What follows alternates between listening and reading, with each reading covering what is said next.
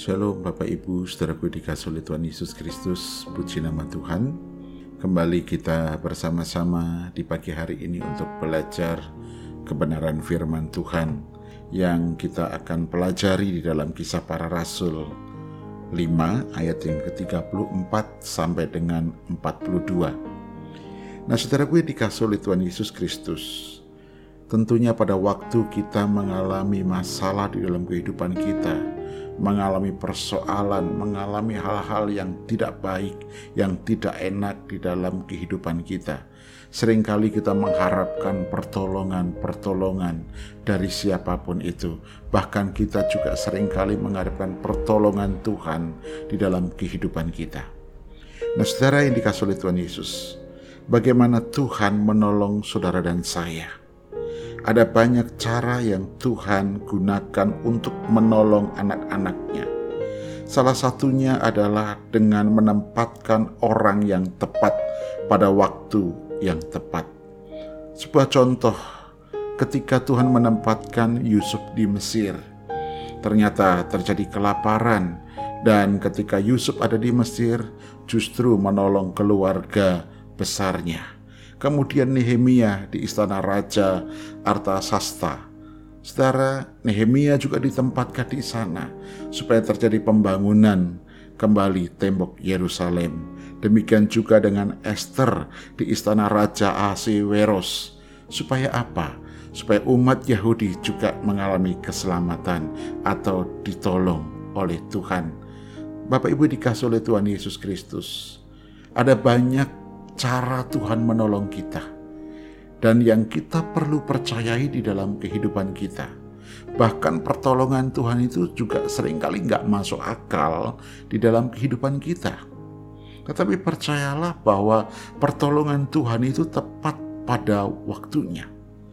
Apalagi hari-hari ini Bapak Ibu yang dikasih oleh Tuhan Yesus.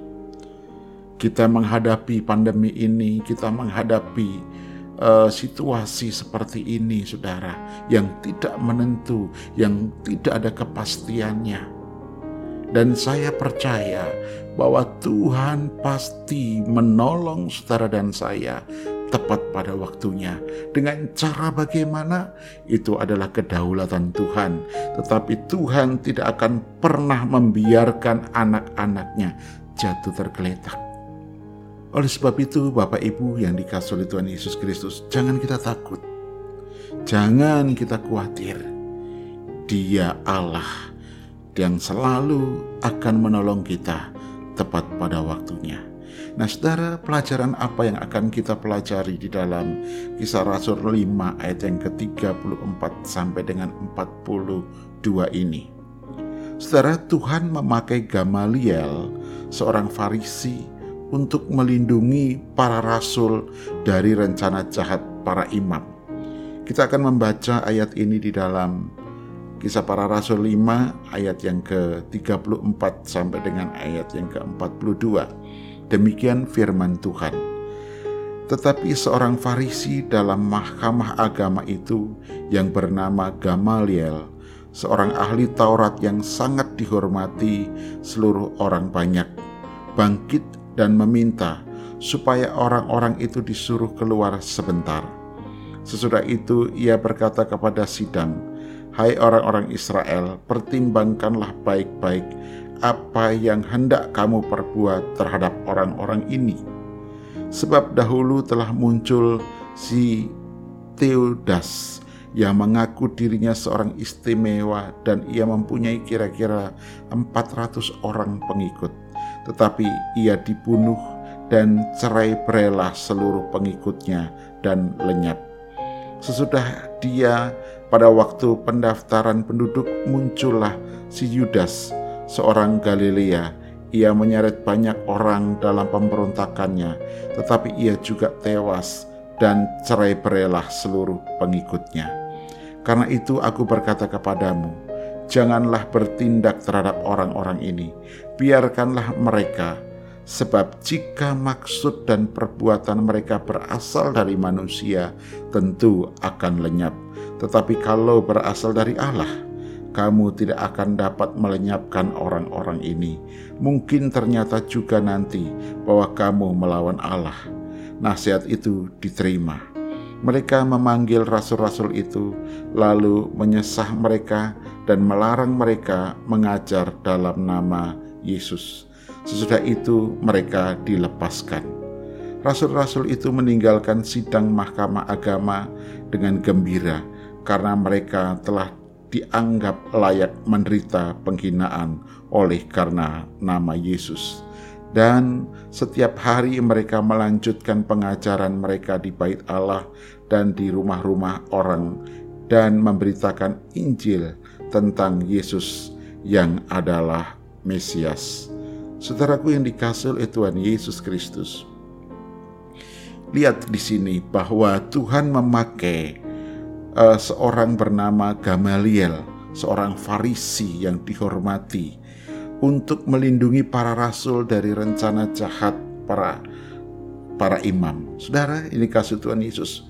Pada masa itu Gamaliel adalah seorang guru agama Yahudi yang berpengaruh dan salah satu anak didiknya yang kita kenal ialah Paulus. Tuhan menggunakan Gamaliel seorang yang tidak percaya kepada Kristus untuk melindungi pengikut Kristus. Mungkin para rasul tidak pernah membayangkan bahwa jiwa mereka terselamatkan oleh seorang rabi Farisi. Namun begitulah cara kerja Tuhan. Saudaraku yang dikasih oleh Tuhan Yesus Kristus, kita nggak ngerti bagaimana cara kerja Tuhan. Tetapi percayalah, ketika kita ada sebagaimana kita ada saat ini, Tuhan pasti akan menolong kita tepat pada waktunya. Saudara, dalam perjalanan mengikut Tuhan, ada dua hal yang perlu kita ingat dan bedakan dengan jelas. Apa yang kita ketahui dan apa yang tidak kita ketahui. Yang kita ketahui adalah Tuhan itu baik dan kasih setianya untuk selama-lamanya. Setelah di dalam Mazmur 100 ayat yang kelima, kalau kita memperhatikan bahwa sungguh Tuhan itu sangat-sangat-sangat baik di dalam kehidupan saudara dan saya.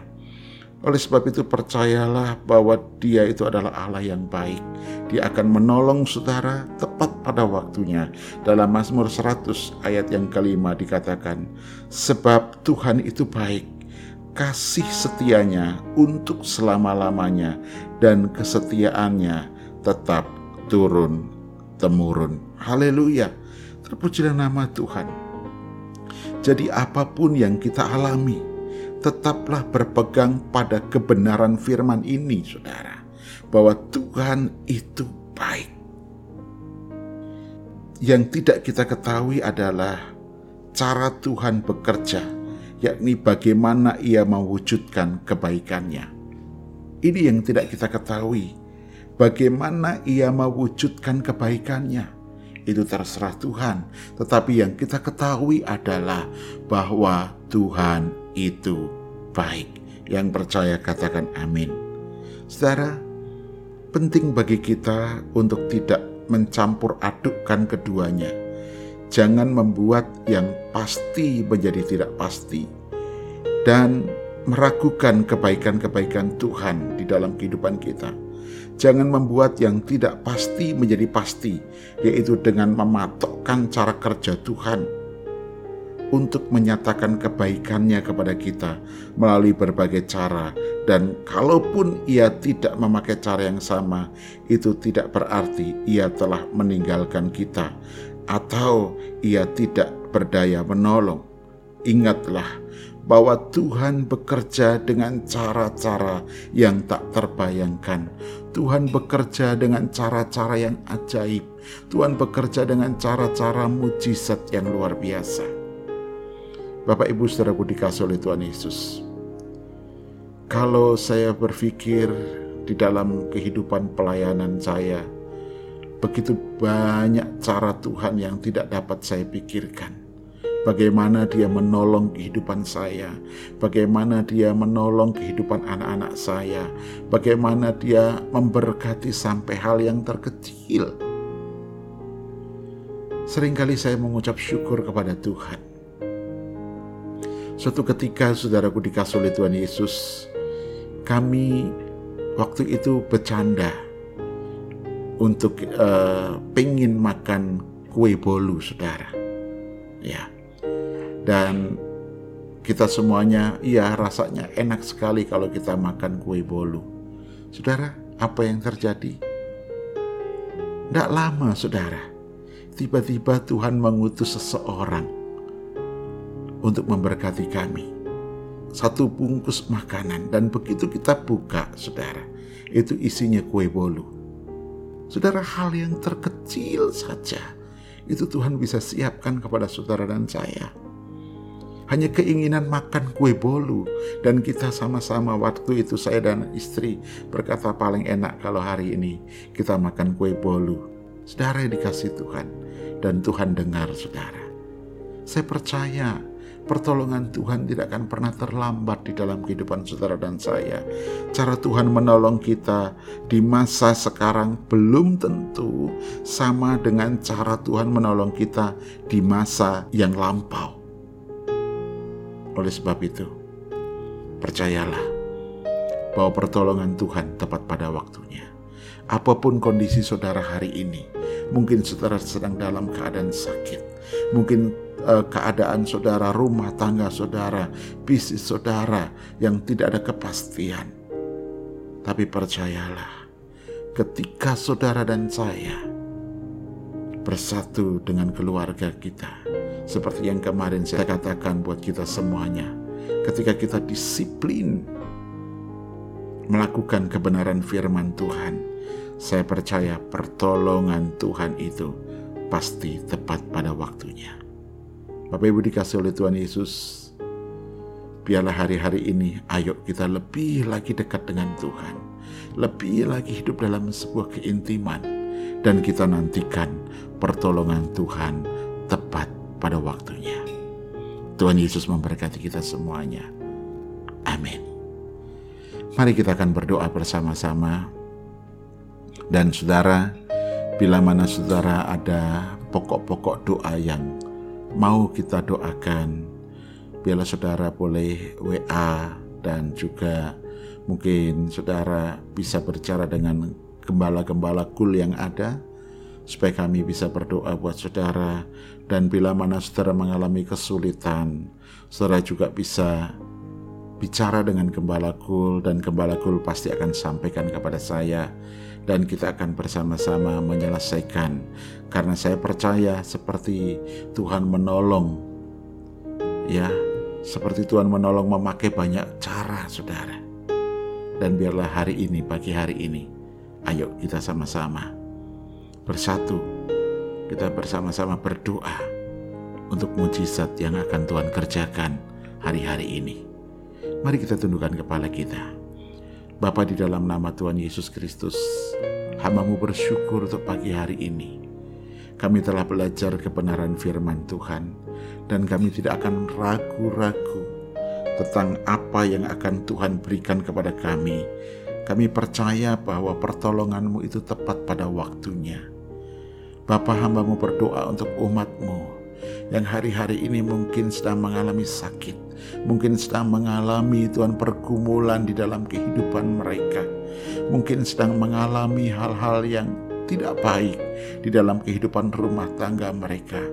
Tuhan, aku percaya Engkau bisa memakai siapa pun, Tuhan, untuk menolong mereka Bahkan aku percaya engkau mengulurkan tanganmu untuk menyembuhkan, menjamah setiap umatmu yang sakit dan menyembuhkan mereka.